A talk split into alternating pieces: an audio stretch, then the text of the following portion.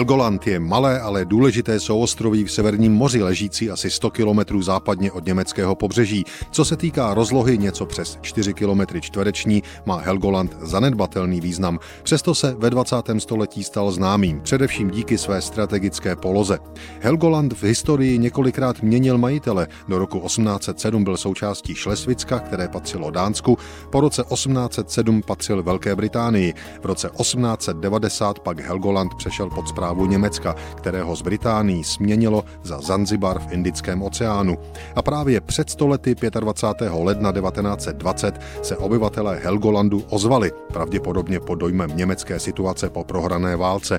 Helgoland chce k Anglii, pod tímto titulkem o tom píší České lidové noviny o den později 26. ledna 1920. V lidových novinách čteme.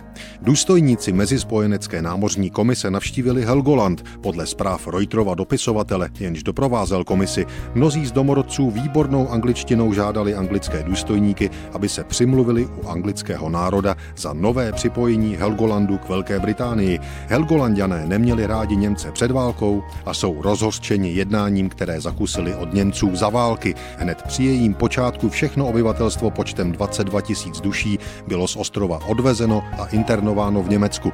Když se lid po ukončení války v roce 1918 vrátil domů, nalezl všechny příbytky vypleněny a vykradeny německými vojsky, jež byla posádkou na ostrově. Konec citátu.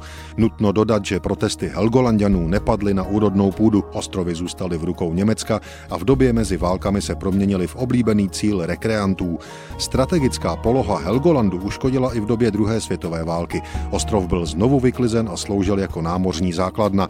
Po válce ho spravovala britská okupační moc a 18. dubna 1947 se na něm odehrála do té doby největší nenukleární exploze v dějinách. Byla sem svezena munice z celého Německa a jednou provždy zneškodněna. Exploze vynesla černý kouřový mrak až do výšky 60 kilometrů.